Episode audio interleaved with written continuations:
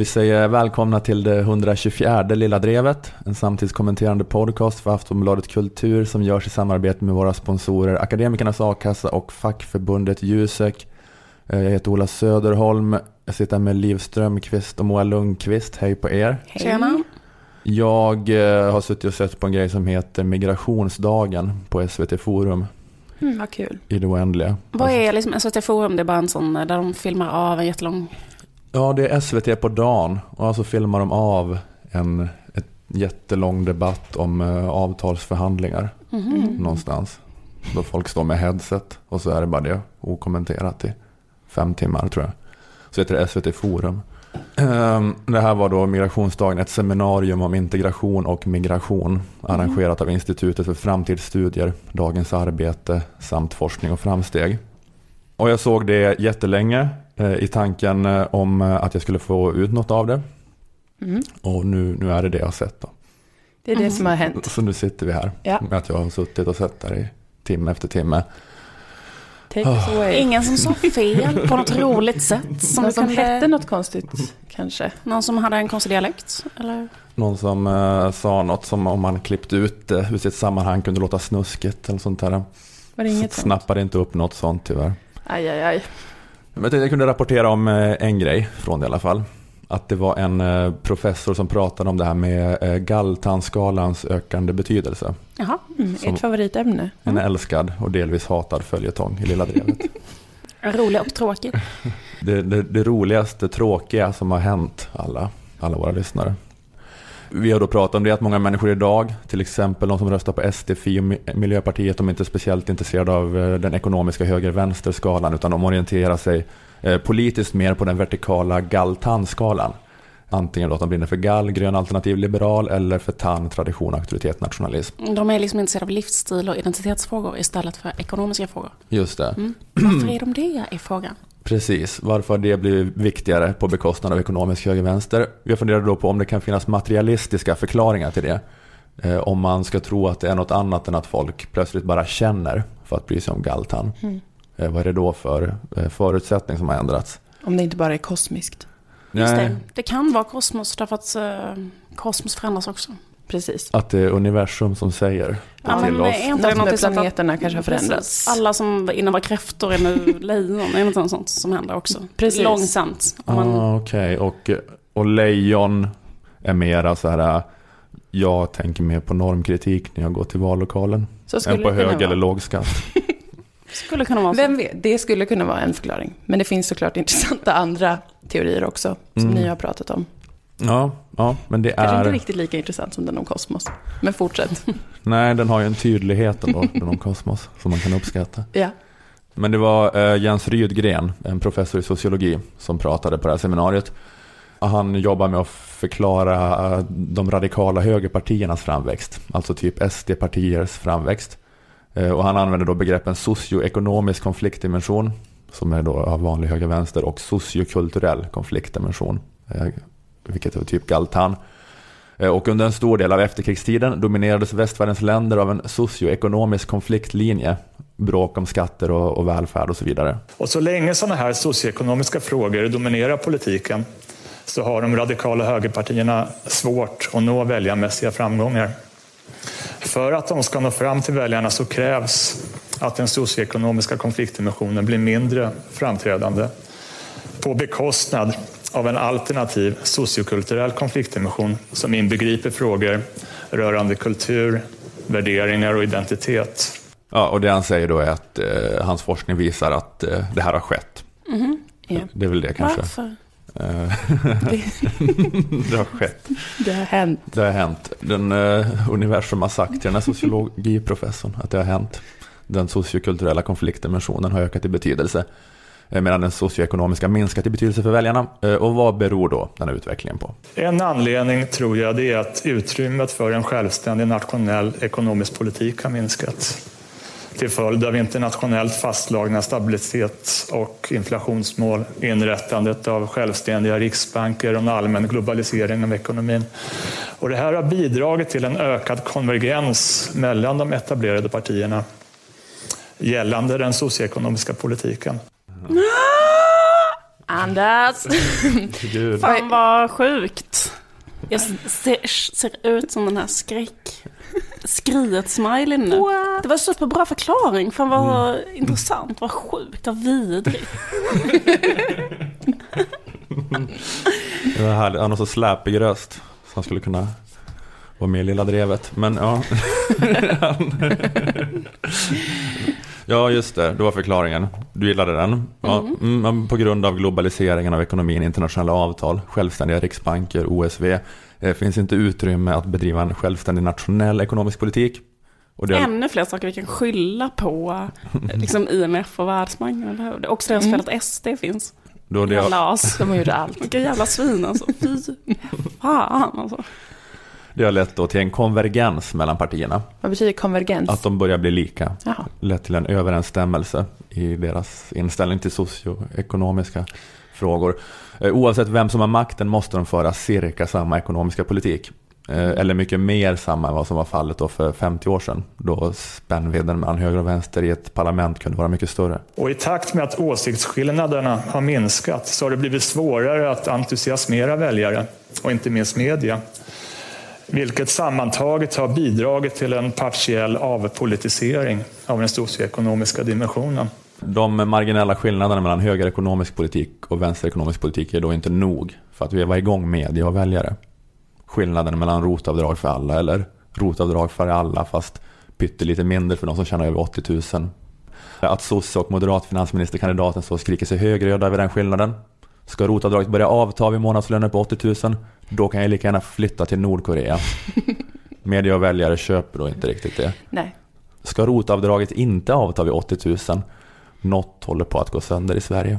Det här, här, här blev det som att man grävde upp Per Albins lik och knullade det i ögonhålan. Den svenska modellen står och faller med att de som tjänar mer än 80 papp i månaden skattar pyttelite mer för sina badrumsrenoveringar. Just där gick gränsen. För om vi lever i välfärdsstaten och den socialdemokratiska utopin Sverige eller om vi är kastlösa i New Delhi, eh, skriker den eh, då sosse finansministerkandidaten. Och att det, det blir då inte trovärdigt för folk. Folk köper inte det, att det här är så, en så viktig skillnad. Så det leder då som jag sa till att den ekonomiska politiken avpolitiseras. Det är inte en politisk fråga. Nej, just det. Den är vad den är. Att debattera hur vi ska göra med ekonomin. Det är som att, vi, ja, som att debattera hur vi ska göra med vädret. Så gammal liknelse. Jag kan inte komma på någon Men annan. fortfarande bra. Fortfarande ja, gör den väl sitt jobb kanske. Fortfarande sylvass. Och eh, det som händer då eh, när vi inte har ekonomin att bråka om, det är det här. Och istället så har sociokulturella frågor, frågor som ofta är polariserande till sin natur och som lätt skapar konflikt, blivit allt mer framträdande. Ja, men vi, vi, ja, vi och media entusiasmeras och bråkar då om det som finns kvar. Som går att påverka. Om man hårdrar det då så att för 50 år sedan bestämde riksdagen över ekonomin. Men nu är riksdagen 349 människor som bara bestämmer om bögar ska få gifta sig. De folkvalda. Våra ska bögar få gifta sig representanter. Ja just det, men det är som att då om att IMF har skapat den här, har gjort allt det här med att de då också har skapat den här framväxten utav, utav eh, de här partierna. Och att de är så eh, känslostormande de här ämnena. De rör upp så mycket känslor hos oss, hos oss. Så att det är ett så bra då opium för oss. Att eh, vi, blir, vi blir helt galna också av det. Av att bara få debattera om att, att reclaima folkdräkten istället. Ja, kan man tänka på Mm. dygnet runt. Så det, det är ändå en perfekt eh, konspiration. Det är liksom den nya religionen då kan man säga. Det som höll folk i schack Mm. förr. Det här gör ju då att Alice Bah Kuhnke är den eh, tyngsta ministern egentligen. Just ja. Att det sägs att kulturministern är lättviktare, men det är ju det enda som spelar någon roll utifrån det här resonemanget. Finansministern är ju en person som är tvungen att komma fram till ungefär samma sak, oavsett vilket parti den representerar. Men Alice Bah Kuhnke, hon kan ju skjuta lite från höften. Mm. Hon är, hon är den som är mest galtan-minister. Och bara nu ska vi ha normkritik på museet. Och det är inte för att jag är styrd av ett internationellt avtal. Jag bara satt och kände lite på Just mitt kontor här. Ja, det blir då att alla ministrar som håller på med överbyggnad istället för bas är mera mäktiga i praktiken. Om man ska ha eh, marxistspråket. Men det kanske är lite så också. Det är väl mer och mer så att det är de ministrarna folk blir galna av hela tiden. Ja, Att, eh, det är inte så mycket snack om Magdalena Andersson, men när Alice Bah Kuhnke eller Gabriel Wikström går ut med någon sån här moralisk värdering. Jag tror inte Så att flippar Magdalena, folk ur. jag tror inte att Magdalena Andersson liksom jobbade längre. Så, så länge sedan hade jag hört, hört någonting om henne. Hon bär bara runt på en Men- hög med papper. Ja, men så mycket känslor som det har varit i normkritik och museidebatten. Mm. In, inga debattörer har varit så arga, ledsna, vansinniga av raseri. Mm. Det väckte ju mycket känslor. Ja, Just väldigt, det. väldigt mycket. Och också att Gabriel Wikström går ut och säger sina så här, att han har olika värderingar om hur man ska leva Att då. man ska stå upp och jobba Att för att inte bli tjock. Just att det är fel att, fel att vara tjock. och då kommer det sån då kritik från... Fel vä- att vä- vä- vilja ha sex eller? har jag missuppfattat honom? Men då kommer det sån kritik från eh, eh, vänster smartskaft mot Gabriel Wikström att eh, varför håller du inte på eh, och du ska väl så här, påverka det här med skatter och olika liksom, bidrag och pengainsatser och så. Det är så du påverkar något på riktigt. Vi vill inte höra moralkakor från dig. Mm. Men, det, men det går inte då. Han det, kan inte. Det är alltid vad det är. Så det enda han kan göra är att säga köttfri måndag och det är politik. Det är så himla sorgligt. Jag vill kunna få kränka Gabriel Wikström för hans dåliga, dåliga fokus. Han har det enda fokuset han kan ha. Ja, den är helt bakbunden. Sluta sup. Han bara skriker sluta sup. Göm cigaretterna. Sluta äta rött kött. Och ha mer sex, eller? Ja just det, Just ha det. mer sex. Jag tycker det känns obehagligt. Jag kan inte sluta tänka på honom som en sån pojkvän som säger till en så här banta och så här tjata om att man har för lite sex. Det är exakt hans utstrålning. Liksom så rysningar var en kille står och säger sådana grejer. Ja men det här var då, det här var då en annan eh, möjlig då förklaring till varför folk är så besatta eh, av det här. Mm. Det känns ju kanske lite, tänker jag, som en elefant i rummet ändå för den här sociologigubben. eh, Om hans jobb är att förklara de här radikala högerpartiernas framväxt.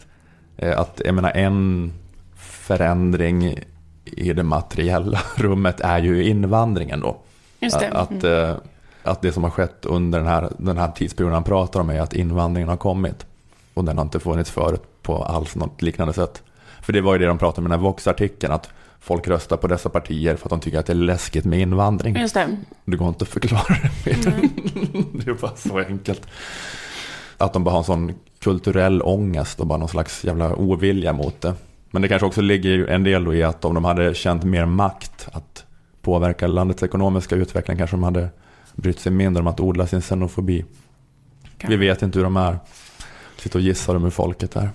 Vad tänker de? I, Ur, i Urkelljunga.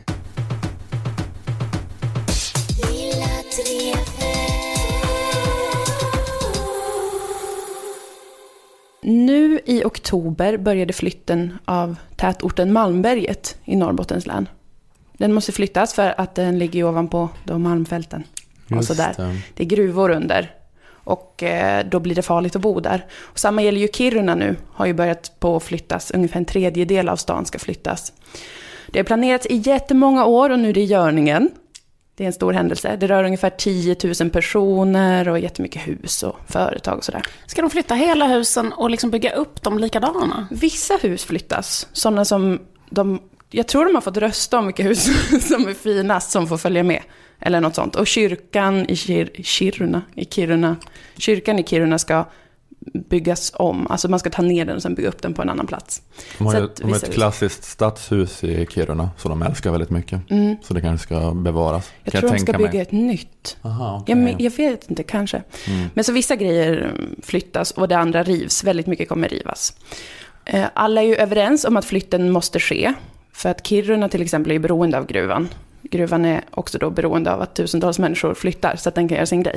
Sådana är gruvor. Det Kan- finns ju inget Kiruna egentligen innan gruvan. Precis. Det, är- det är bara nybyggarort. Det Men finns helt ingen gammal by eller sånt där. Mm. Mm. Det, finns ingen, det finns ingen Kiruna-dialekt till exempel därför. Bara en gruvdialekt. Bara en allmän. Man bara skriker jättehögt. Det måste man göra i en gruva.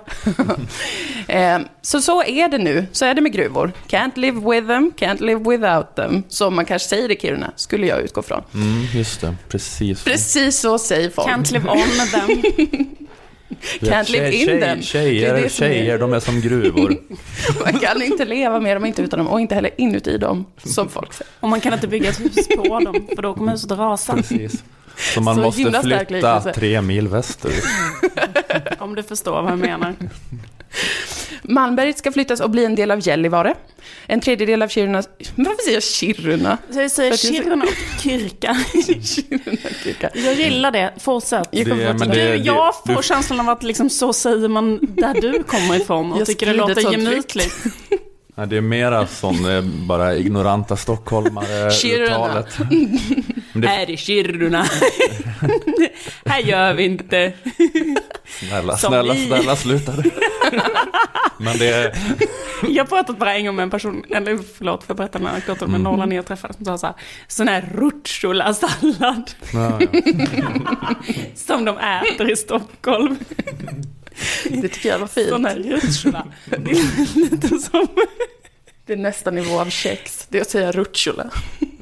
Eh, men därför tycker jag att du kan säga Kiruna. Jag, fortsätter säga. Kiruna. Det blir, det blir mysigt. Det är ju enligt regeln också för hur det ska uttalas. K uttalas som, som tje-ljud när det kommer en mjuk vokal efter. Men Kiruna är ett undantag. Det är jättebra. Börja med det nu, från och med Ja. nu. Och sen så fort någon eh, säger emot dig så säger du det Ola sa precis nu. Det kommer, jag har memorerat det nu. Eh, Då kommer- då kommer alla- språkregler så säger man Kiruna. Så kan jag äntligen... Då kommer alla tycka att du är skönast på festen. Alla kommer bara wow, du är så intelligent.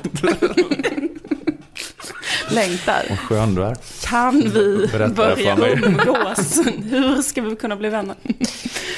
Ja, men Kiruna ska få ett nytt centrum designat av White Architects. Cool, det här är lite trivia bara. Annan orelaterad trivia är att den projektansvarig på LKAB heter Shabba Nordanfjäll. Och det är något som jag tycker att vi måste bara Oj. fundera över en stund. Eh, över livets eh, mysterium. Att man Men jag reagerar mer på White Architects. Ska, Ja. man, ska man trycka på det verkligen?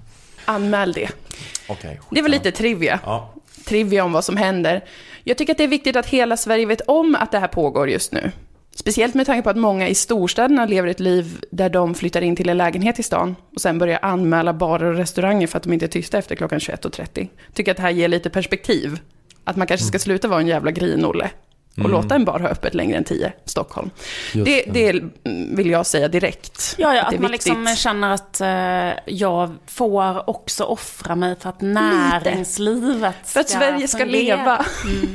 Ja. För att vi ska ha ett samhälle där, där allt funkar så kanske man måste ibland flytta tre kilometer och få sitt hus rivet. Och ibland så måste man tillåta att en bar spelar en låt. Ja, det, För det är varit, trevligt nämligen. det hade varit svårt att se att det skulle ha kunnat gå att genomföra på Södermalm i Stockholm att nu ska vi flytta alla era bostadsrätter till Nacka för att vi ska utvinna lite malm här som vi ska skicka till Kina. Är det sant? Är det sant att ingen är emot det?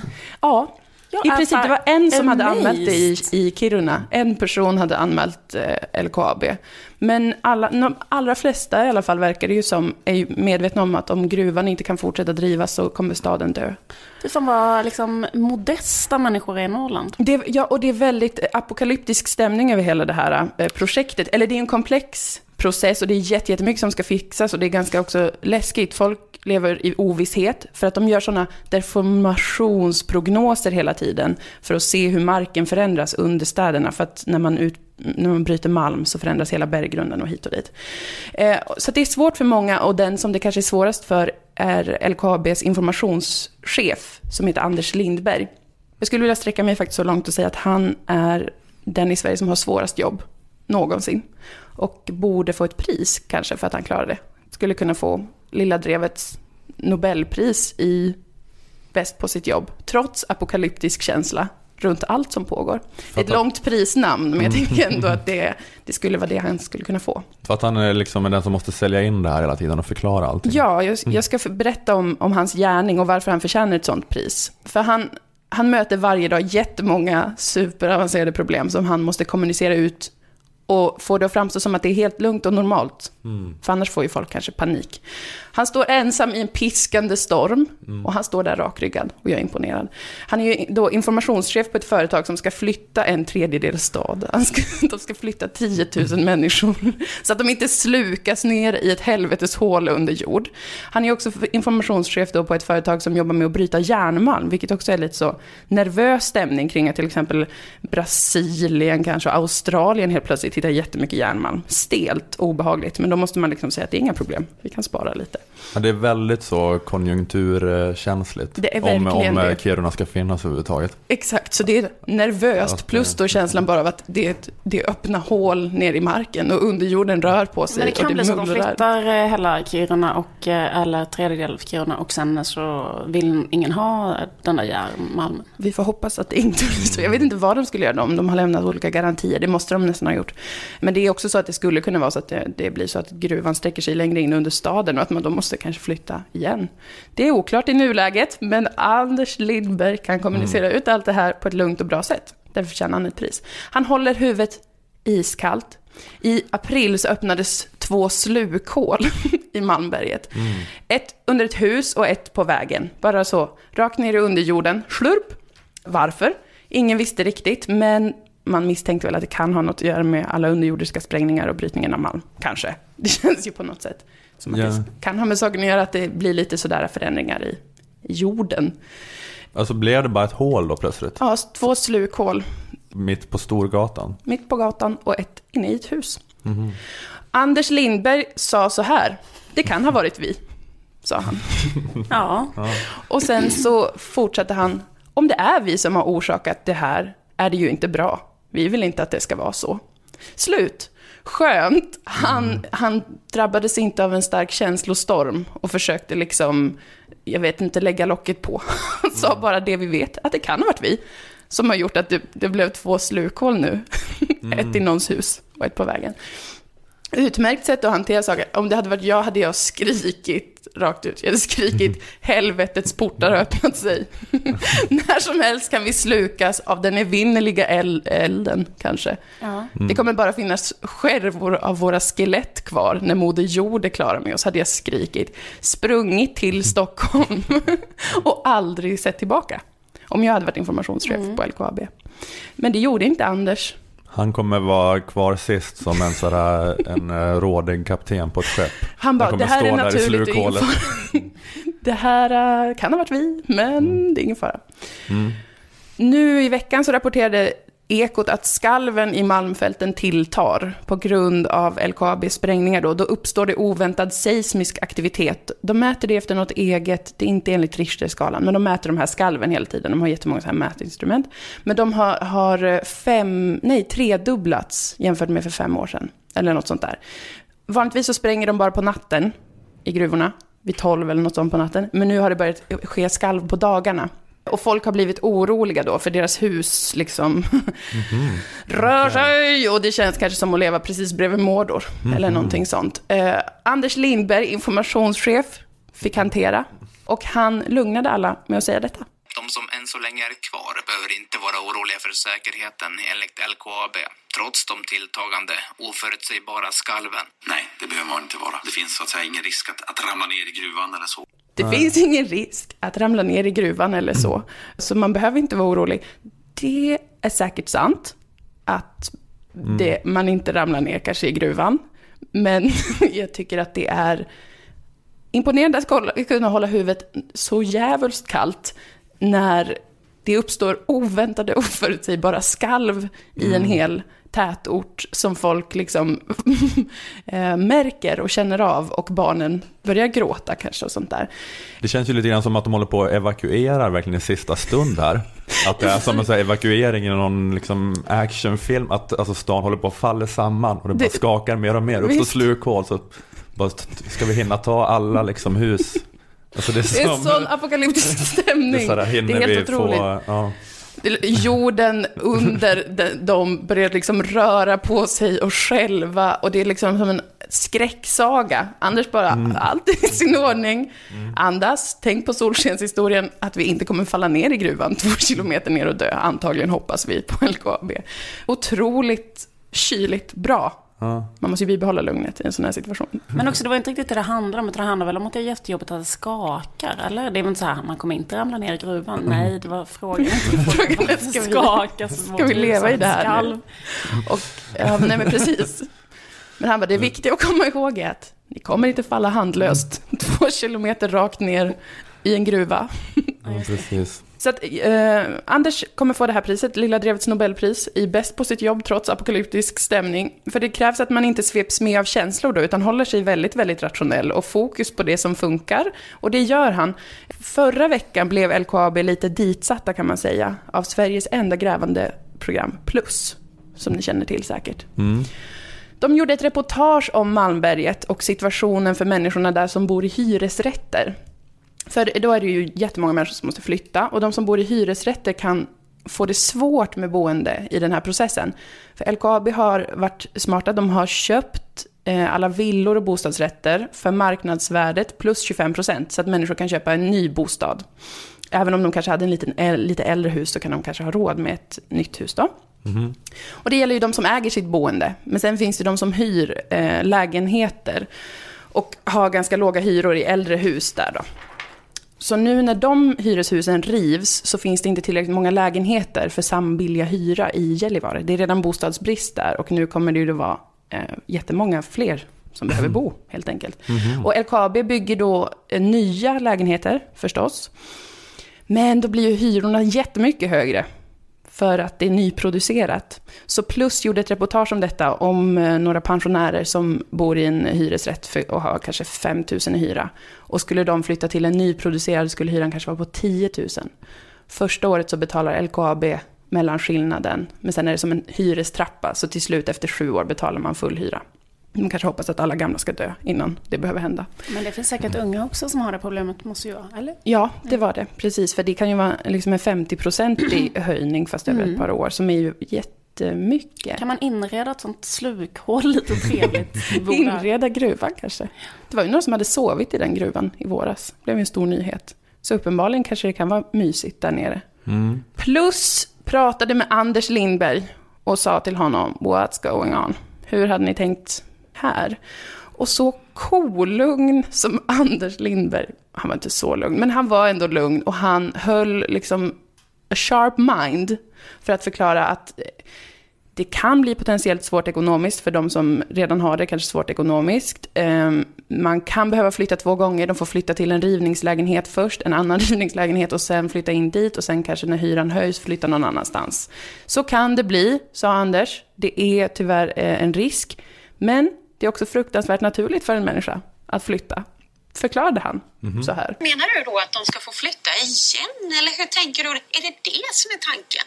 Det vet När man vi har övervägt då, man har råd Vi vet ju att människor gör det redan idag, flyttar mellan boenden. Det ser vi ju både i vårt eget eh, fastighetsbolag och i övriga boenden i samhället. Att det är vanligt att man flyttar. Det gör man ju i olika skeden i livet, flyttar mellan olika boenden. Så det är i och för sig inte något konstigt. Det är i och för sig inget konstigt att flytta, det kan ju vara så i livet. Att man flyttar visst. Ni har flyttat någon gång, jag har flyttat, Anders har kanske flyttat. Det är så att i olika skeenden, kanske att man får ett barn eller man flyttar ihop med någon eller att ett gruvbolag eh, som man är helt beroende av har grävt upp under jorden så att ens lägenhet ramlar ner i den om man inte flyttar. Det är sånt som händer i livet. Som man kan kanske räkna med nästan innan, Det är en bra, en bra försvarslinje att det förekom att människor flyttade Ja, ja. även innan LKAB började flytta på städer. Men det är Så väl att jag inte förstår konstigt. inte ens hur vi kan diskutera den här frågan. Han bibehöll lugnet, han höll Han menar alltså att de ska fokus. flytta till en jättedyr lägenhet och bo där i sju år och efter det, eh, när de inte längre får hyresreduktion, så ska de bara flytta. Då får de hitta något annat precis, om de inte har råd att bo kvar. Det är lite tanken då. Det gäller ju, det gäller ju hyresgästerna helt enkelt. Hyresgästföreningen är med och håller på att förhandla det där, men det verkar gå jävligt svårt för att de måste bygga nytt, för det finns inte äldre hyresrätter. Inte tillräckligt många i alla fall. Så då kan det bli en flyttkarusell för till exempel en 75-årig farbror. det tycker jag är hjärtskärande. Men Anders, han bara, stäng ute det nu Anders, tänker han för sig själv. Alltså, de borde ju faktiskt bara subventionera det rakt av, tänker man LKAB, för de har väl också svin mycket pengar. Ja, Det- de, det går bra ju med Malmen, eller har gått bra. För det är ju det som är konstigt eh, i Kiruna att eh, typ lärare pratar om det. Alltså gymnasielärare jobbar i Kiruna och har en sån ha- halvkasslärarlön. Och sen så har de massa, ja men bara sådana liksom eh, svinjobbiga limsniffarkillar som sitter i munkjackor och, och, bara säger håll käften kärring i tre år. Sen går de ner i gruvan och tjänar fyra gånger mer än vad lärare gör direkt efter studenten. Att de har sådana sinnessjuka Ja, det- löner. eh, och, och, och jobba där. Så man tänker att om, om de pengarna finns så skulle de kunna hålla på med någon slags lägenhetssubventionering till Ja, alla människor som de tvångsförflyttar. Ja, man tänker att det borde vara små pengar i sammanhanget eftersom att de finansierar ju den här flytten through and through och de finansierar en helt, ett helt nytt centrum för Kiruna som designas av de här balla arkitekterna som har vunnit en tävling för att få designa det. Det är ju inte som att det verkar vara helt omöjligt att hitta och det kan inte gälla så jättemånga heller. Det gäller några pensionärer som bara, som sa i inslaget att de kanske ville lägga pengar på resa, de vill inte betala 10 000 i hyra. Hur kan man se det utan att gråta, Anders Lindberg? Kan du förstå att man vill resa när man bor i Malmberg?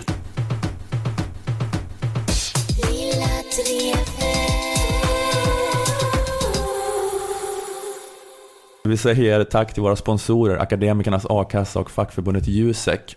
Akademikernas A-kassa kostar bara 100 kronor i månaden och ger dig den fantastiska inkomstförsäkringen A-kassa eh, som gör att du får 80% av lönen upp till 25 000 kronor. Du kan alltså få ut 20 000 kronor i månaden när du är arbetslös. Eh, vilket du kanske kommer vara. Eh, jag såg på Uppdrag granskning förra veckan om betygsinflationen i skolan. Såg ni det? Nej. Nej. Att på grund av det här systemet vi har då där skolorna konkurrerar stenhårt om elever och skolpengen de medför så är ett av de viktigaste konkurrensmedlen för en skola att eh, visa upp hur många elever som får toppbetyg på deras skola. Ah, Så därför pressas lärare av skolledning och rektorer att sätta högre och högre betyg. fastän alla är dåliga. Ja, lärare, lärare som sätter för många F, som det heter nu för tiden, de hittas ofta döda. Som ryska journalister. Döda under mystiska omständigheter. Så när de pressas, de får ingen löneförhöjning, de mobbas Mm. ut. Så svenska elevers betyg stiger och stiger, men kunskapsnivåerna sjunker och sjunker. Det... Så är det ju. jag orkar inte mer. Så många tänker då ha jättefina betyg som gör att de kommer in på akademiska utbildningar. Men de är egentligen jättedumma. Mm. Därför behöver de ju vara med i akademikernas a-kassa. Ja. För de kommer ofta vara för lågpresterande för att kunna behålla ett jobb. Och de är också vana vid det här att man behöver inte göra någonting. Millions of people have lost weight with personalized plans from Noom, like Evan, who can't stand salads and still lost 50 pounds. Salads, generally, for most people, are the easy button, right? For me, that wasn't an option. I never really was a salad guy. That's just not who I am. But Noom worked for me. Get your personalized plan today at Noom.com. Real Noom user compensated to provide their story. In four weeks, the typical Noom user can expect to lose one to two pounds per week. Individual results may vary. Ändå får jätte... Bra feedback i form av betyg och nu pengar. Så det kommer inte gå att unlearn det. Så de blir aschockade också sen när de får sparken. Och kommer inte kunna kanske... Kommer inte förstå vad som har hänt. Superförvirrade. Kommer inte klara sig själva kanske. Och då behöver man ju verkligen a-kassa. Ja, det är ett dilemma nu att ni kommer inte förstå varför ni behöver akademikernas. För att ni tror att ni är bäst helt utan anledning. Men bara gå med akademikernas ändå. Och som sagt, man ska ju också göra det av, av solidaritet, även om man inte använder det. Eh, på akademikernas.se kan du läsa mer om eh, alla, alla förmåner och alla fördelar med att vara med eh, i a-kassan. Många akademiker, till exempel ni som jobbar inom branscher som organiseras av Jusek, tjänar mer än 25 000 kronor. Tjänar ofta mer än så i alla fall. Och kan därför behöva en inkomstförsäkring med lite mera, lite mera tryck i. Därför bör ni även gå med i facket. Är du med i Jusek får du 80% av lönen upp till 80 000 kronor. Läs mer på jusek.se. Att vara med i Akademikernas och Jusek kostar 351 kronor sammanlagt. Är du Akademikernas medlem lägger du alltså bara till 251 kronor för att också få vara med i facket. Har du tagit steget och gått med i Akademikernas eh, eller Jusek eller någon annan a-kassa eller något annat fackförbund tack vare den här podden får du gärna berätta om det i din ansökan. Eh, skriv det också gärna i sociala medier under hashtag lilladrevet.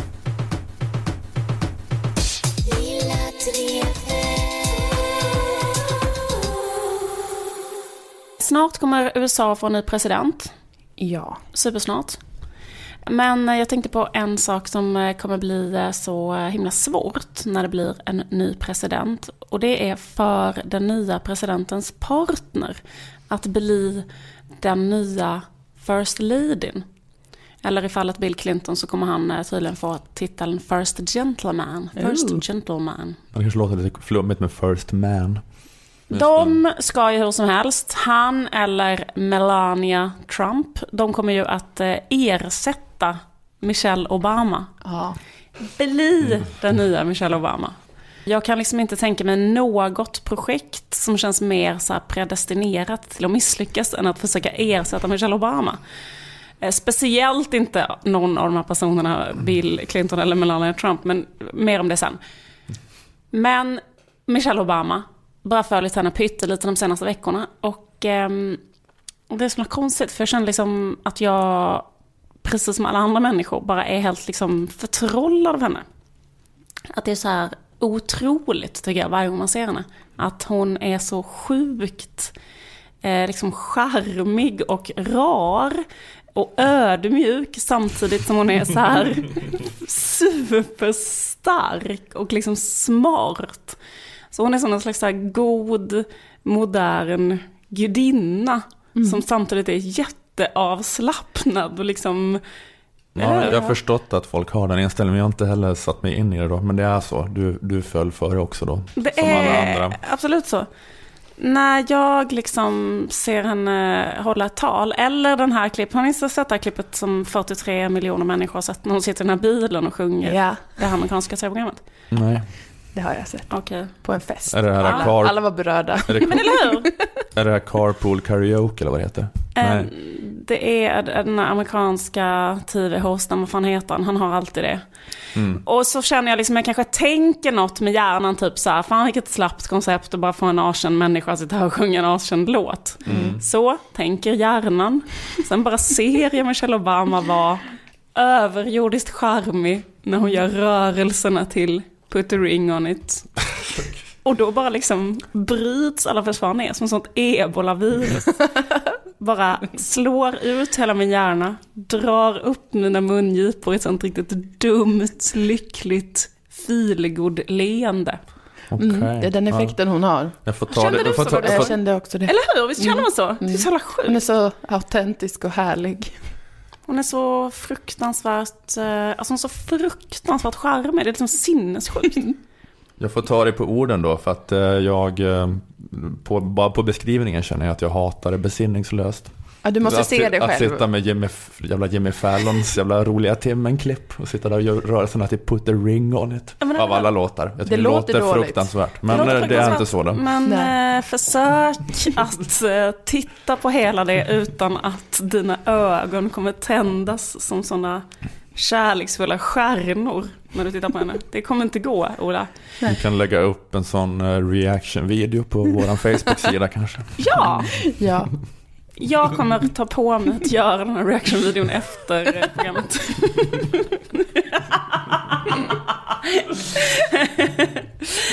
Ehm, men i alla fall, alla de här grejerna man vet liksom att äh, Obama-regeringen är precis lika så här, ägda som alla andra. Eh, de skickade drönare till Irak. Liksom afroamerikaner i USA har fått det sämre enligt alla undersökningar under Obamas tid vid makten, etc. etc, etc.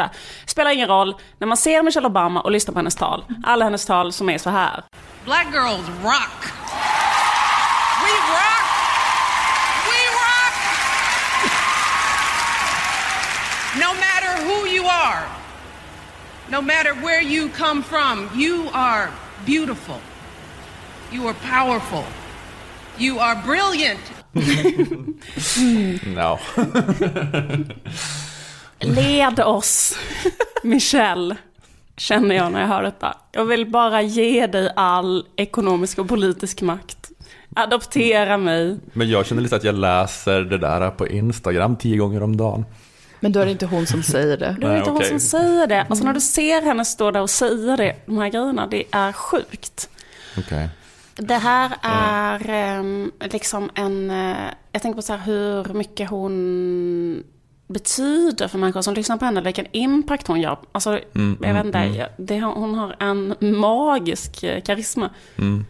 Hur som helst, det jag undrar är bara hur fan någon ska kunna efterträda Michelle Obama. Det kommer bli så här för, för den personen. Det kommer bli som att försöka här, gå in i en kyrka full av eh, människor och säga Hallå, lyssna, nu ska alla här inne dyrka en annan gud. Ni ska inte längre älska Jesus utan ni ska istället älska mig. Bill Clinton heter jag. Jag är en riktigt skön snubbe som gillar att spela saxofon. Um, jag, bara tycker, jag bara tycker det känns så jävla tufft. Ja, det är ett svårt projekt. Då, men då är också Bill Clinton är väl ändå en politiker som eh, anses ha en så här likable potential som är över medel ändå. Men det är ändå hopplöst. Jo, jag vet, han har det. Men jag tänker också liksom att just den här rollen som Michelle Obama har haft, att hon har varit så himla inne på så här, att ha så inspirational talks för eh, unga tjejer. Hon har haft en speciell grej som handlar om black girls education och sånt, till exempel. Mm. Hur ska Bill Clinton kunna inspirera unga tjejer? Eh, ska han gå in på en sån skola där det går en massa unga tjejer och säga så här eh, Black girls rock. You are beautiful. All of you. You are... I really love black girls. Det var så, så jävla... Alltså jag, jag menar inte att göra den här enkla grejen med att Bill Clinton är creepy, för jag tänker att han behöver inte ens vara creepy. Det blir bara ändå, det är liksom ändå så jävla svårt att tänka sig honom så här gå runt, loda runt på en sån skola. Jag tänker bara hur min pappas kompisar var mot mig, typ så kommer han vara mot de tjejerna. Alltså jazzgubbe som går runt och bara Tjena, ska försöka visa lite intresse, vara lite uppmuntrande. Fast eh, sådana gubbar är alltid som eh, likadana som barn är, alltså som jättesmå barn är när de ska ge någon en present. Att de är så här, när små barn ska ge en julklapp till en vuxen så ger ju de alltid så här en Barbie-docka till den vuxna. Eller så, de ger något de själva vill ha. Ja. Och så är också sådana jazzgubbar, att de ska, ska kanske ge något eller säga något uppmuntrande till en ung tjej. Då så här, ger de kanske en, eller säger så här, eh, lyssna, ska vi gå och lyssna på Miles Davis? Eller? Mm. Eh, Jag vill uppmuntra dig så att jag vill att du ska lyssna på den här jazzen som jag gillar. Ja, precis. Men det, det, det är ändå bättre än om han gör det, Bill Clinton. Står och pratar om att han gillar Miles Davis och John Coltrane. Än om han står och skriker I love black girls. Men jag tänker att, eh, att tjejerna ändå kommer bli creeped out av honom. För när man är en ung tjej så blir man också creeped out liksom så himla, himla lätt. Man blir liksom creeped out. Även om det inte är en slemmig människa överhuvudtaget. Men när det är Bill så kommer det kanske också kanske vara det. Så det kommer också vara så här jätteobehaglig känsla. För att inte tala om Melania. Melania. Melania. Ja, Melania. Det är liksom så sjukt hur Melania är. Jag kan inte ens, ehm, kan nästan inte ens börja prata om Melania. Det enda jag tänker på med Melania är att hon ser ut som att hon har så fruktansvärt låg eh, kroppstemperatur, tänker jag. Hon är alltid stilla. Alltså hon står så jävla Ja, ja. Så här blickstilla. Ja. Som en reptil. Att hon liksom har... eh, Jag tänker mig att det är för att hon så nästan... Jag kan tänka mig att det är för att hon så nästan inte äter någon mat. Jag kan tänka mig. Och liksom då att hennes kropp har blivit så här för att hushålla energin. Att hon, att hon liksom är stilla på ett sätt som inte är eh, mänskligt. Det förstår vad jag menar? Hon Att står hon står lika stilla som ett sånt kallblodigt djur gör. Att hon bara är så här, att man är så här. Hon har samma sådana rörelsemönster som ett sånt kräl gör att hon bara står stilla. Och man är så här, är det en möbel? Är det liksom, och så bara, sen, jag vet inte. Som Om bara räcker ut tungan en, en tiondel. men jag tänker att hon kan Fångar en fluga. Hon, jag tänker att hon kanske kan göra sådana svinsnabba utfall. jag tänker att hon är så här, hennes liv är så att hon typ ligger hemma i en sån jätte, jättestor våning hela dagarna. Eh, när hon inte är på sådana uppdrag med Trump. Det tror inte jag hon är särskilt ofta heller. Jag tänker att hon är där och då bara ligger hon så här. Som att man, och så är man så här, man tittar in så är man så här, är det där ett foto eller är det ett, eh, eh, liksom är det en möbel? Sen kanske en gång om dagen eller sådär, så kommer det kanske en sån tjänare med ett nummer av Vogue kanske. Och då tänker jag att hon bara... Jättesnabb. Bara kastar sig upp och tar det bara. Ja, suger tag och bara lägger sig ner. Och så är det igen som att hon är så här. Det är som att hon lever, att, att hon lever i ett terrarium typ. Och bara är helt blickstilla där. Sen så får man får inte knacka på glaset för då bara flyger hon upp på glaset. Det är så väldigt snabbt utfall. Min fråga är så här till er. Är så här, kan ni tänka er Melania Trump uppmuntra unga tjejer? Nej. Mm, nej, det var en Kan ledande, tänka ledande henne? fråga men jag säger nej. Kan ni tänka henne så här, jag tycker det är så himla kul. Kan ni tänka henne så här, gå omkring på en skola och säga något inspirerande? Eh, Man känner en sån iskall ben i hand, bara gripa runt en skuldra. Det ska vara någon slags styrkekram. Men det känns som att någon har lagt bara ett sånt torskblock på ens axel. Hon är um, väldigt speciell. Hon, de enda som skulle kunna bli inspirerade av henne är så här reptilavdelningen på ett zoo. De bara, Thank you. Känner sig sedda. Alltså jättesvårt för henne också att göra rörelsen till put a ring on it. För att hon har så... Hon bara de två. Att vara så här sjukligt stilla. Eller fruktansvärt snabb. Men menar du att hon lägger ägg också? Att de är födda ur äggen, de där Trump-barnen? Att det inte ens är var det någon graviditet, utan de bara lekte med Vogue tidigt så de får komma in och hämta ett ägg och lägga det i någon sån solarium. Tills det kläcks en Trump-bebis. Man måste bara ha ägget jättelångt borta från henne för att hon har så fruktansvärt låg kroppstemperatur som bara kyler ner ett rum. Men hon är väldigt speciell.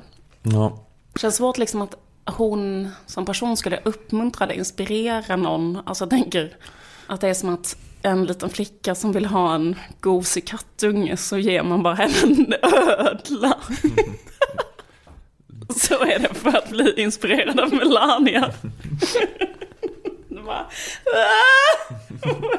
ta den igen, ta den, ta den. Och då sa jag att vi ville ha ett husdjur. ja. Jag hörde faktiskt att hon har gått ut och försvarat Trump nu, men jag hörde inte, jag läste inte, jag klickade inte på länken.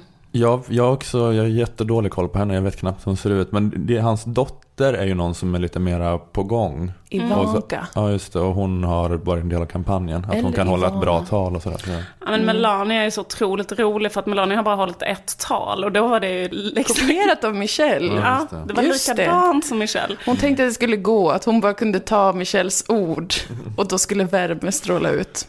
Jag tycker nog att det är lite eh, intressant det där just med eh, ja, det där du sa att det är ju ändå den som, eh, eller liksom att Obama, ja, de bestämmer ju hela världsordningen. De håller på att skicka drönare eller, och bla bla bla. Ja. Men att, att, att, att det är så jäkla mycket den där barockstjärnerelationen. Att, alltså att alla ens amerikanska favoritkomiker håller ju bara på och gör roliga sketcher med dem och så här, älskar dem som man kanske älskar, inte vet jag, Beyoncé och Jay-Z eller Brangelina eller något sånt där. Att det är bara ett sånt, de är bara sånt jävla coolt it-par. Att de kan ha den relationen till det. Det är lite, för jag tänkte på det, jag började följa Stefan Löfven på Instagram häromdagen. vet, Känner du vet, för honom vet så? ni hur många följare Stefan Löfven har på Instagram? Nej. 3500. Nej, han har mindre än mig. Nej, men det är alla man känner som har en podd har ju då minst dubbelt så många följare som vår statsminister. Och det säger ändå kanske något, tänker jag, om att Sverige är bättre än USA. Ja, ja. Att ha den här- tråkiga inställningen Ja, politiker inte ska vara balla och sköna. Visst. Men- Ja, precis, jag vet inte Ja. ens vad hon heter, hans fru. Nej. Eller heter hon Anita? Nej, det gör man inte. Däremot vet jag hur de träffades. För jag Undrar om har hon heter om Ulla? Nej. Ja, visst heter hon det, Ulla. Mm. Självklart, hur kunde jag glömma det? Nej, men eh, jo, men grejen är att jag har också den känslan för Obamas, för båda två.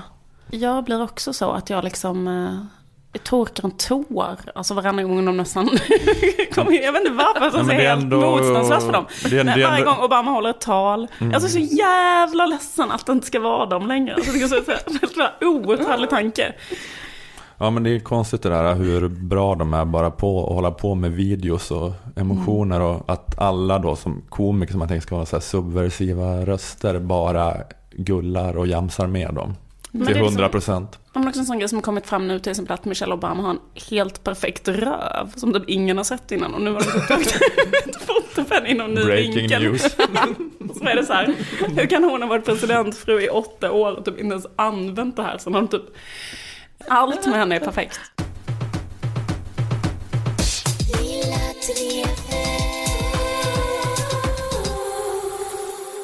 Ja, jag har haft lite svårt att, att jobba och förbereda någonting eh, den här veckan för jag har bara tänkt på hur mycket jag älskar Bob Dylan.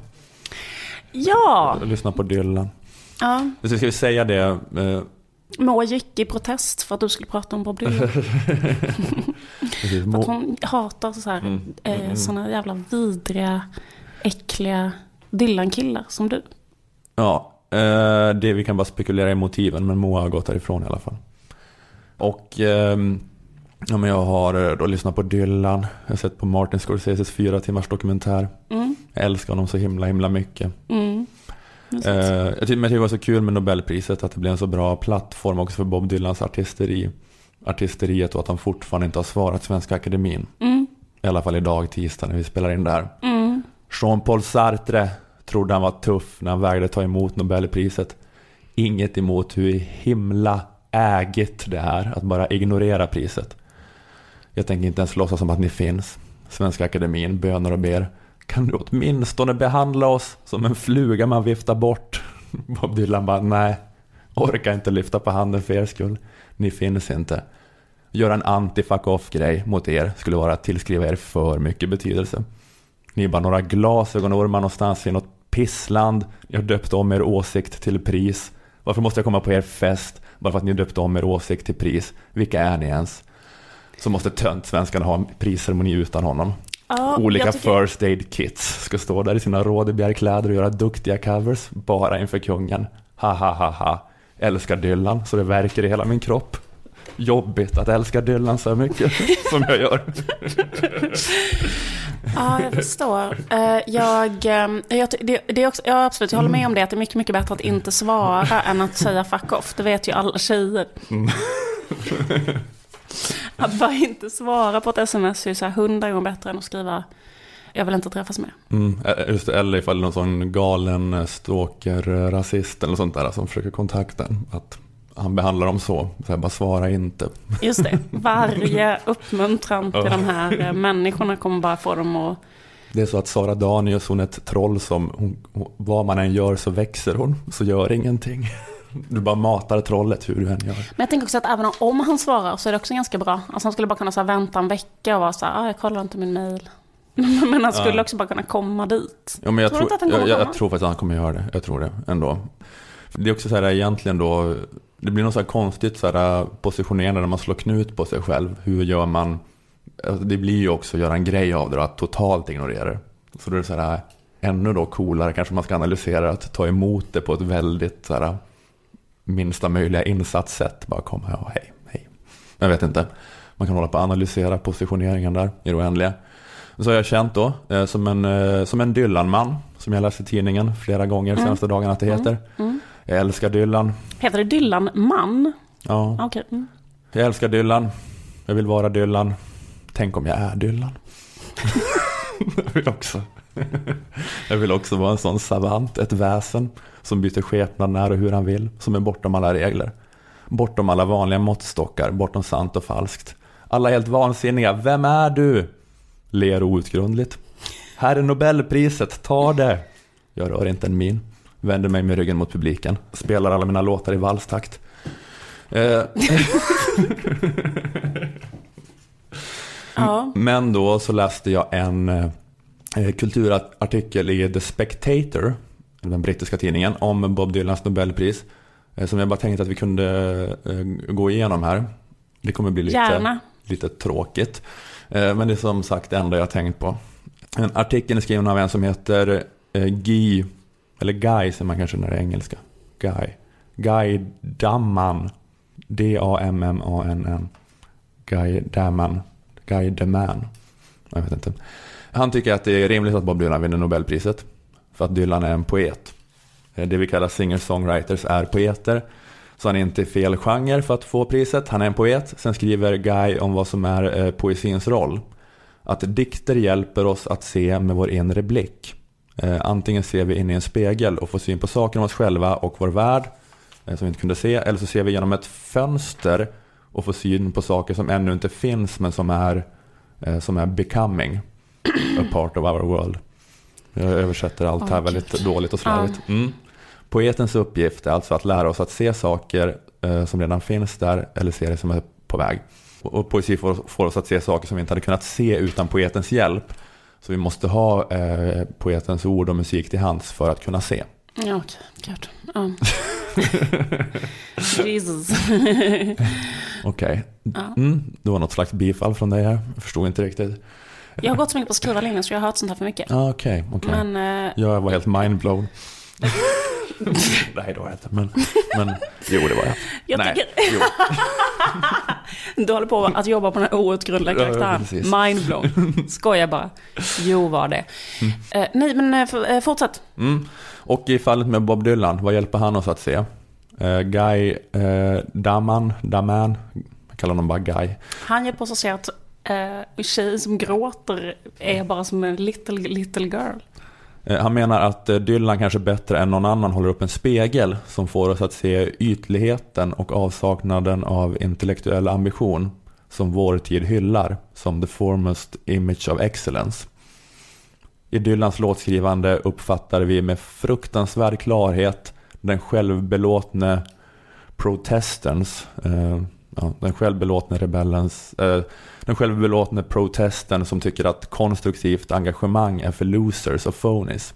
Framförallt uttrycker Dylan vår epoks firande av de förlängda tonåren, av den så förlängda pubertala Ja, ja. perioden. Mm, mm. En glorifierad vägran att bli förstådd, för det är ändå ingen som förstår den riktiga jag. Mm. Dylans musik är helt genomsyrad av outhärdlig självbelåtenhet. Från hans oförklarliga nöjdhet med några meningslösa nedklottrade rim och tomma gåtor till hans uppenbara vägran att sjunga dem ordentligt. Eh, Guy menar att eh, Dylans singer-songwriting med en andlös klarhet artikulerar tonåringens trotsiga vägran att inse att hans förvirrade syn på världen och hans plats i den inte är ett tecken på geni utan ett slöseri med allas tid.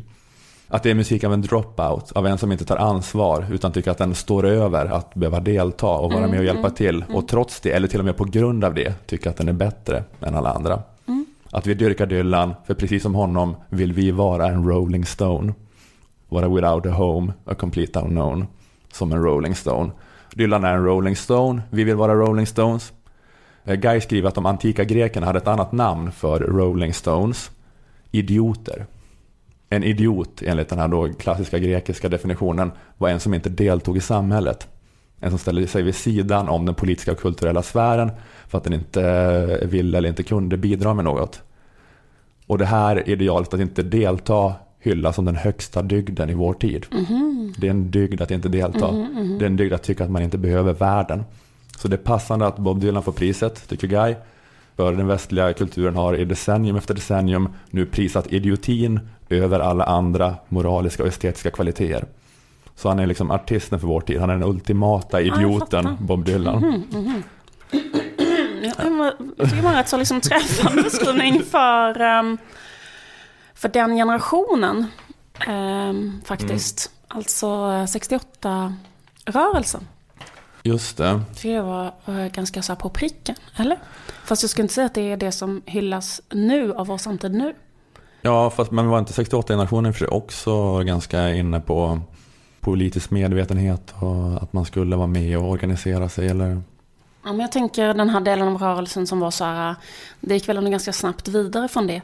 Eh, Från eh, eh, sådana här, kanske då kommunistiska sekter till kanske ett eh, andligt utforskande till ett eh, eh, så här, eh, liksom eh, avantgarde, eh, liksom ett hyllande av eh, det som var liksom exakt det där du pratade om, dropout och Mm, mm.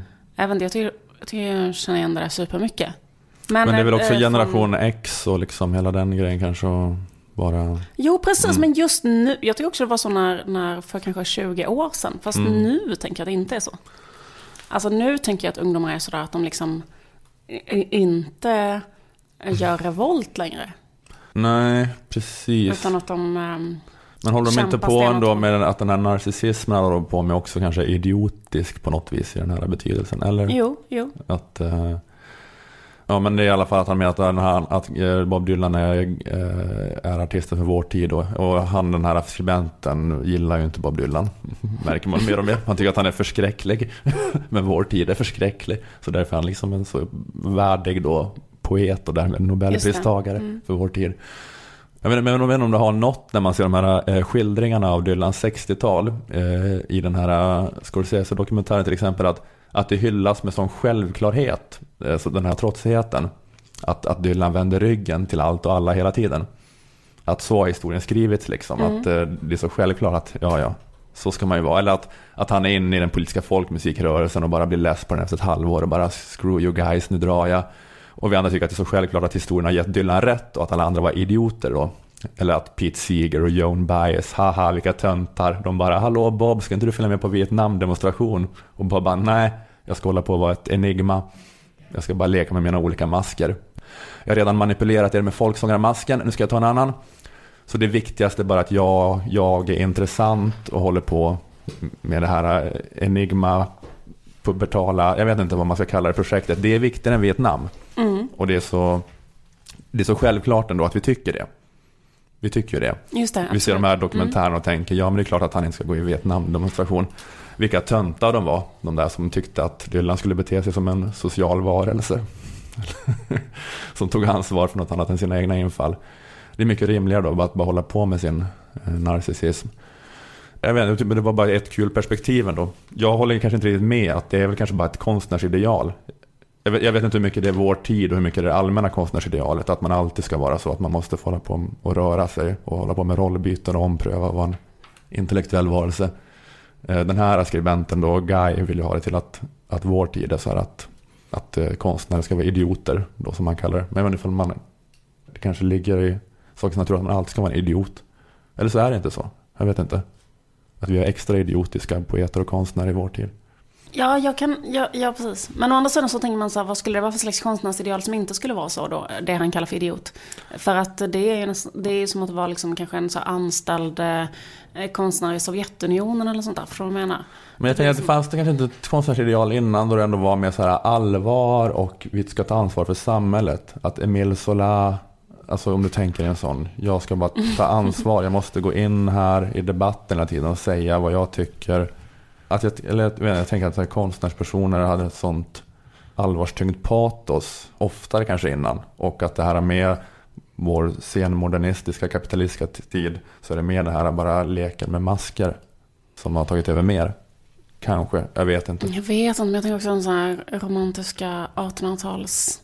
1800-talspoeterna. Liksom typ hur Lord Byron var. eller Så här. Det var ju inte en människa som tog ansvar. Eller?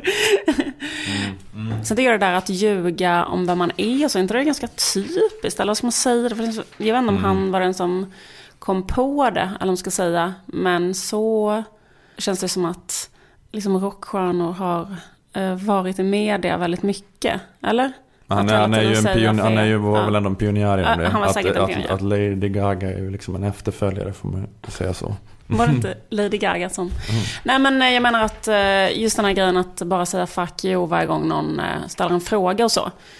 Och inte svara och hit och dit liksom. Det känns väl som en sån ehm, typisk rockstjärnegrej. Som han kanske för sig då har, har Uppfunnit. startat, uppfunnit. Mm. jag tänker på hur Kurt Cobain var i en intervju eller sådär. Men, eh, men det jag tänker är att folk liksom har slutat vara så nu. Alltså de senaste liksom, sju åren. Och vara mycket mer så här, eh, inte bara idioter utan liksom så här duktiga idioter. Ja men det har vi pratat om tidigare också det här att eh, ingen får, är indie längre utan att alla är så service-minded och bryr sig Ja, om precis. klicken och sådär och allting. Mm. Ja, ja. Älskar Bob Dylan så det verkar i, i mitt lilla hjärta. ja, jag vet inte varför vi pratar om det här. Det här var mer som en varg söker sin podd kanske. mer ett sånt ämne. Okej, vi slutar. Du menar att en Mm. kille pratar jättelänge om Bob Dylan? Så är det inte den podden.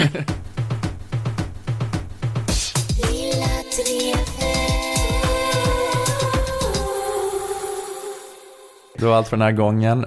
Nu får vi verkligen eh, sluta. Nu har vi suttit här för länge. Eh, Jag heter Ola Söderholm, du heter Liv Strömqvist, Moa Lundqvist var med, men gick härifrån. Eh, Han stormade ut. Ja, lilla drevet görs för Aftonbladet Kultur och i samarbete med våra sponsorer Akademikernas A-kassa och fackförbundet Jusek. Vi hörs igen nästa vecka, hej då! Hej då.